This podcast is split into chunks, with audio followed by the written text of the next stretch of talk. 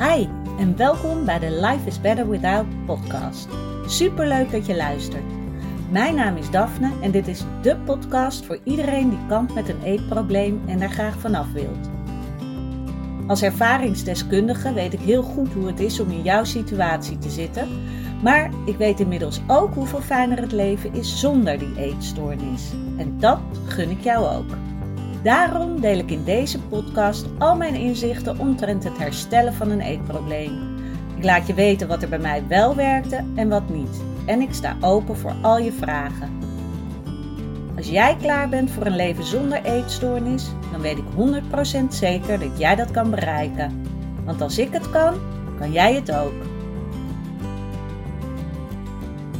Hey, goedemorgen weer. Althans, bij mij is het morgen. Leuk dat je weer luistert naar een nieuwe podcastaflevering van Life is Better Without. En waar ik het vandaag even over wil hebben, is eigenlijk iets wat ik wil delen. En misschien zal je in eerste instantie denken: Nou, dat is ook niet lekker motiverend. Maar ik wil het toch delen. Omdat ik wil dat je een realistische kijk uh, krijgt op herstellen van een eetstoornis.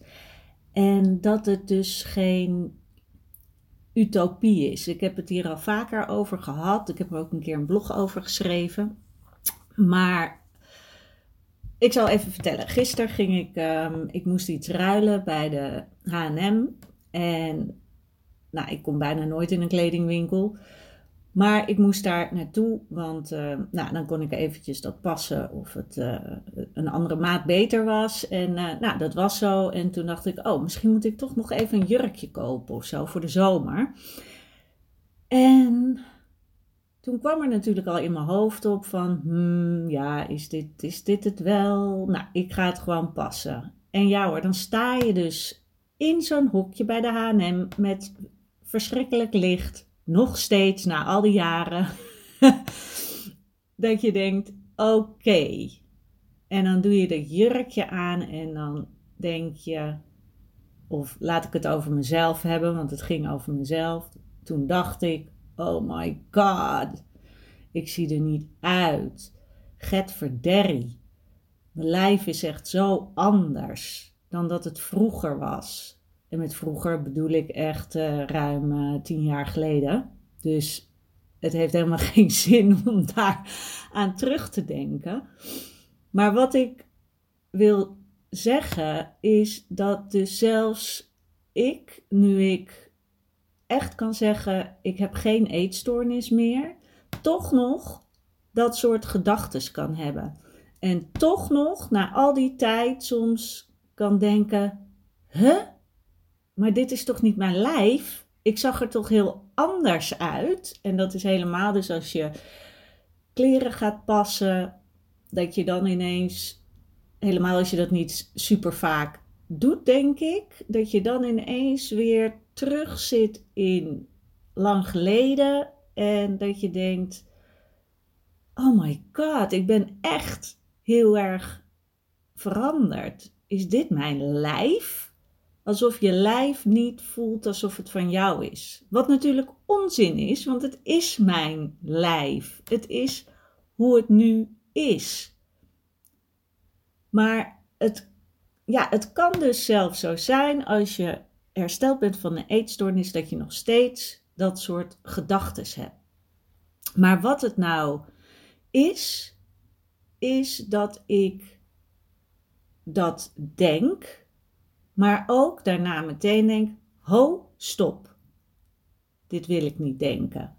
Dit is niet oké als ik zo over mijn lijf denk. En ik kan ervan balen, eh, eventjes. En ik kan denken: ik wil er anders uitzien. En ik zou me anders willen voelen. Maar daarin heb ik dan een keuze om er niet in te blijven hangen.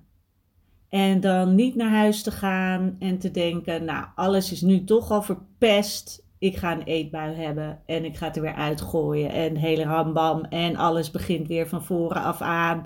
En ik ben weer terug bij af. Nee, ik denk, wat vervelend dat ik me zo voel. Ik denk, oh, het is wel apart dat ik dus blijkbaar uh, nog steeds niet 100% voel van, oh ja, dit lijf hoort nu bij mij. Zo van, ja, accepteer ik het dan wel of niet? En in die zin accepteer ik het omdat ik absoluut niet weer terug wil naar waar ik was.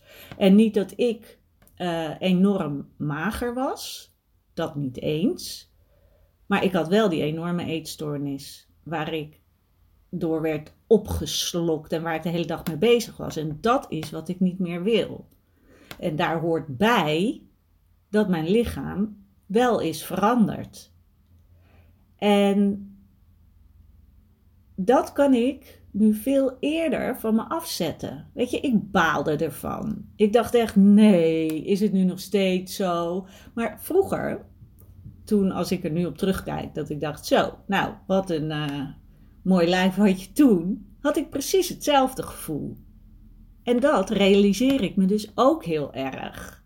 Dat dat dus niks uitmaakt. En misschien over nog 10 of 20 jaar denk ik terug aan nu en dan denk ik: wat was je aan het zeiken? Je zag er gewoon goed uit.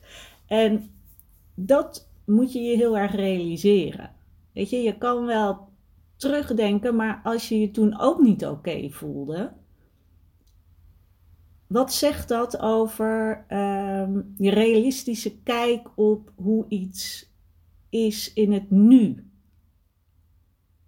Weet je, helemaal als je dan denkt van, oh ja, misschien over zoveel jaar ga ik dan nu ook wel denken van, oh, dat ik er nu misschien oké had uitgezien.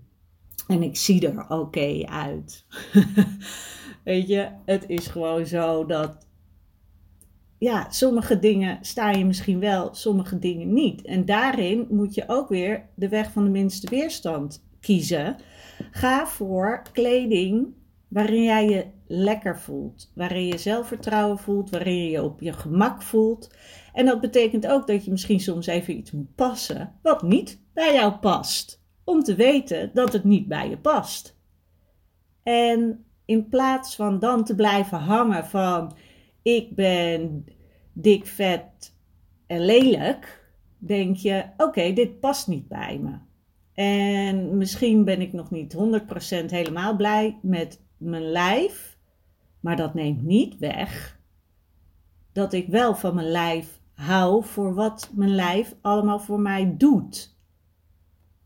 En zonder mijn lijf was ik hier niet. En dat wil ik ook heel duidelijk maken. Want kijk op een andere manier naar je lijf. En het hoeft niet meteen van, uh, oh, ik ga voor de spiegel staan en ik vind mezelf uh, helemaal fantastisch, super sexy. Uh, graag, weet je. Dat is natuurlijk wat, wat je allemaal wil. Maar het is niet zo dat als je herstelt van een eetstoornis, dat dat automatisch gebeurt. En ja, dat wil ik je graag meegeven. Dat je niet denkt van, oh ja, dat is het streven. En pas als ik dat bereikt heb, dan ben ik helemaal hersteld. Nee, dat is niet zo. Herstellen is dat je niet meer de hele tijd bezig bent met je eetstoornis. Dat je niet meer de hele dag door jezelf negatieve uh, opmerkingen geeft. Dat er niet continu onbewust vervelende gedachten in je hoofd opkomen. Dat je niet continu bezig bent met, oh wat zullen anderen wel niet denken hoe ik eruit zie. En dat is hersteld zijn van een eetstoornis. En dat geeft heel veel opluchting. En dat is ook de reden waardoor je als je je even wat minder voelt, of je hebt even zo'n moment van gadverdamme, dat je dan dat heel eventjes uh, kan voelen, maar dat je daarna ook snel weer die knop omdraait. Dat is wat je wil. Dat je er niet in blijft hangen, maar dat je denkt: Oké, dat heb ik even zo gevoeld. Uh, wil ik dit voelen? Nee. Ik ga weer andere gedachten hebben. En dat is niet van, uh, dat hoeft niet te zijn van, uh, oh, ik vind mezelf wel heel mooi en sexy. Want je moet er wel in geloven. En als je daarin gelooft, nou, uh, helemaal fantastisch, want dat is helemaal super. Maar dat hoeft niet. Je kan dan ook inderdaad op een andere manier je gedachten. Je gedachten gaan denken. Oké, een beetje uh, sufzin. Maar ik hoop dat je begrijpt wat ik bedoel. Dat je inderdaad in plaats van die uh, gedachten die dan opkomen, die negatieve gedachten, dat je die sneller om kan zetten naar een positieve gedachte of een neutrale gedachte. Dat is ook al een hele grote winst. En um, een mooi uh, schema wat je kan gebruiken om dit te gaan oefenen en te onderzoeken wat voor gedachten er in je opkomen en gevoelens, is het um, G-schema.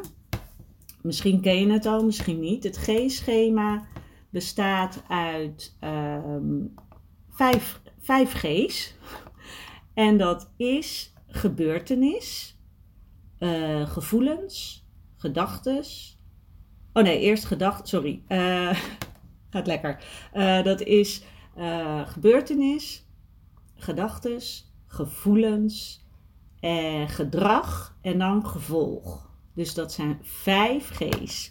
En vervolgens ga je als je denkt van, oh ja, ik heb weer een uh, negatieve gedachte, kan je die met behulp van het G-schema gaan ombuigen in mildere gedachten of meer helpende gedachten.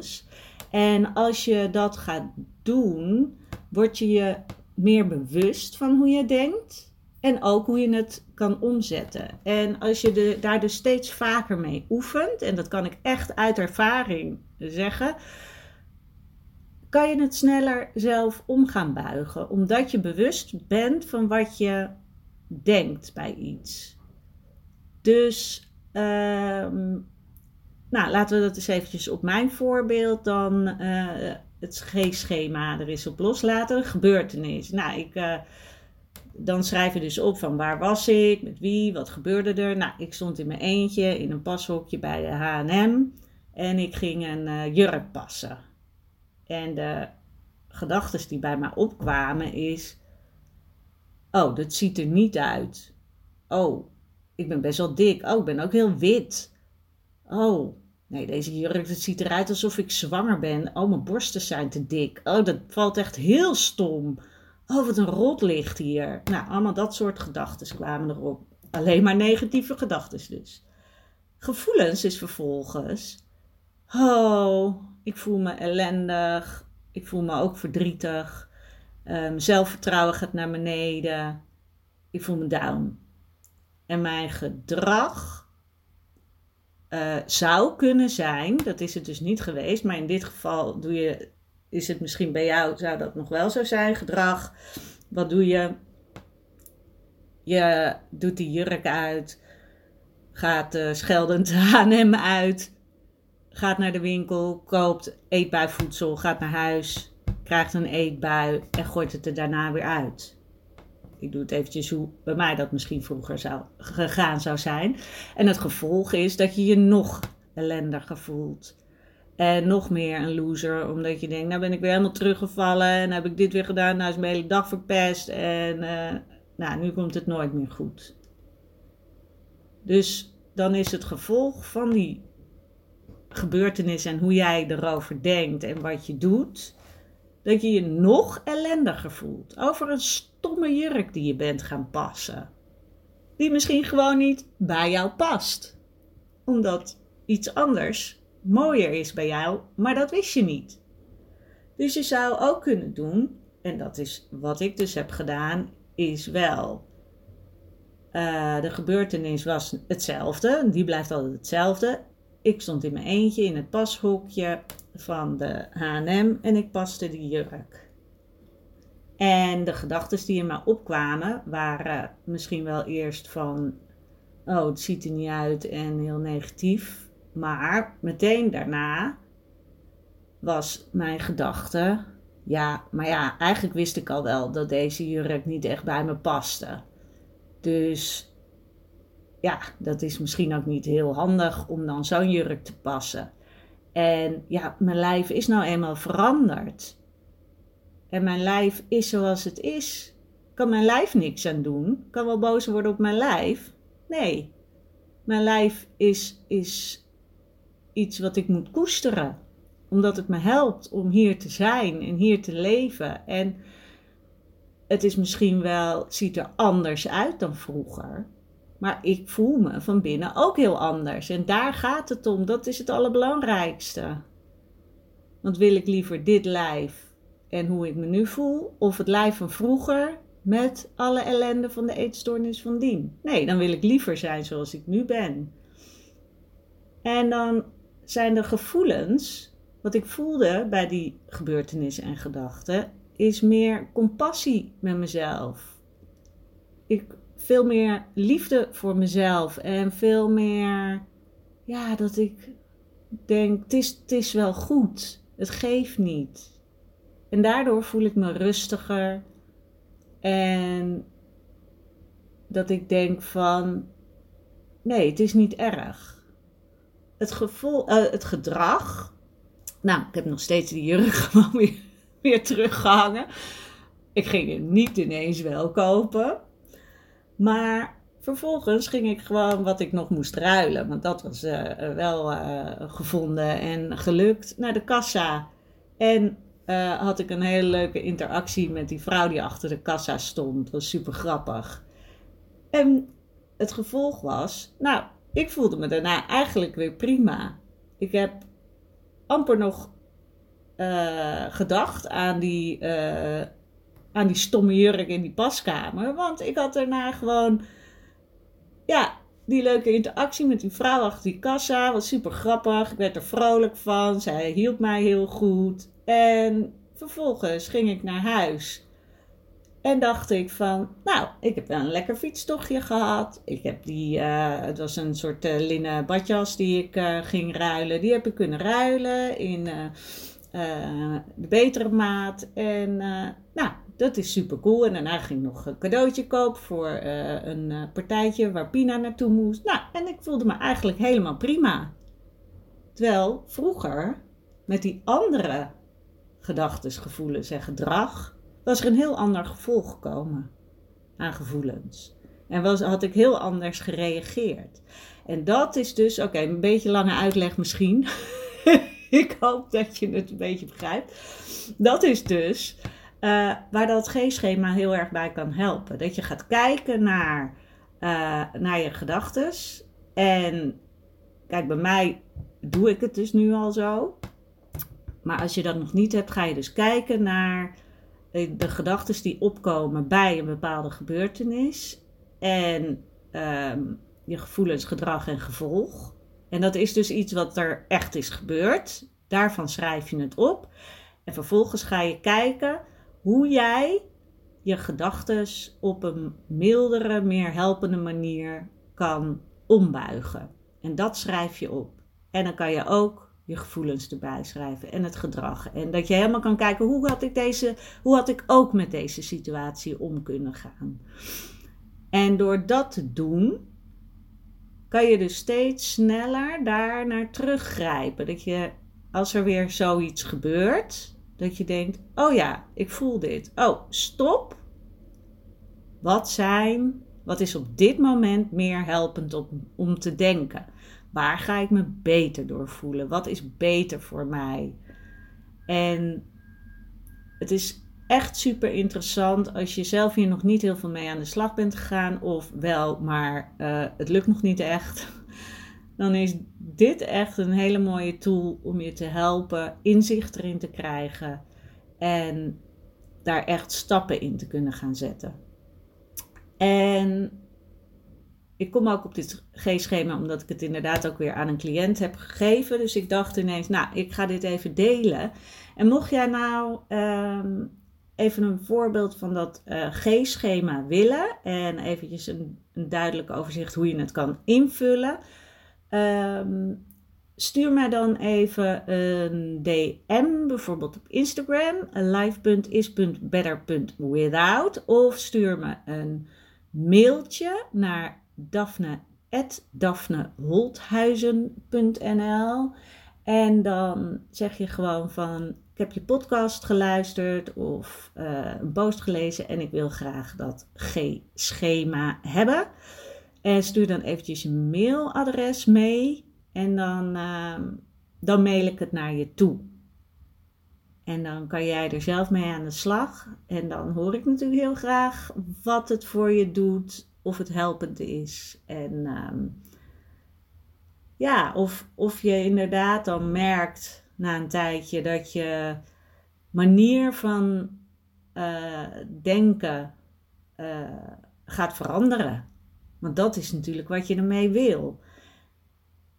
Dus nou, ik, ik hoop heel erg dat, uh, ondanks dat het misschien wat uh, negatief begon, deze podcast, dat het niet heel demotiverend is. Ik wil ook niet dat je denkt van, ja, hallo, uh, als ik dan nog steeds me niet 100% fantastisch voel over mijn lijf, dan hoef ik ook niet te herstellen.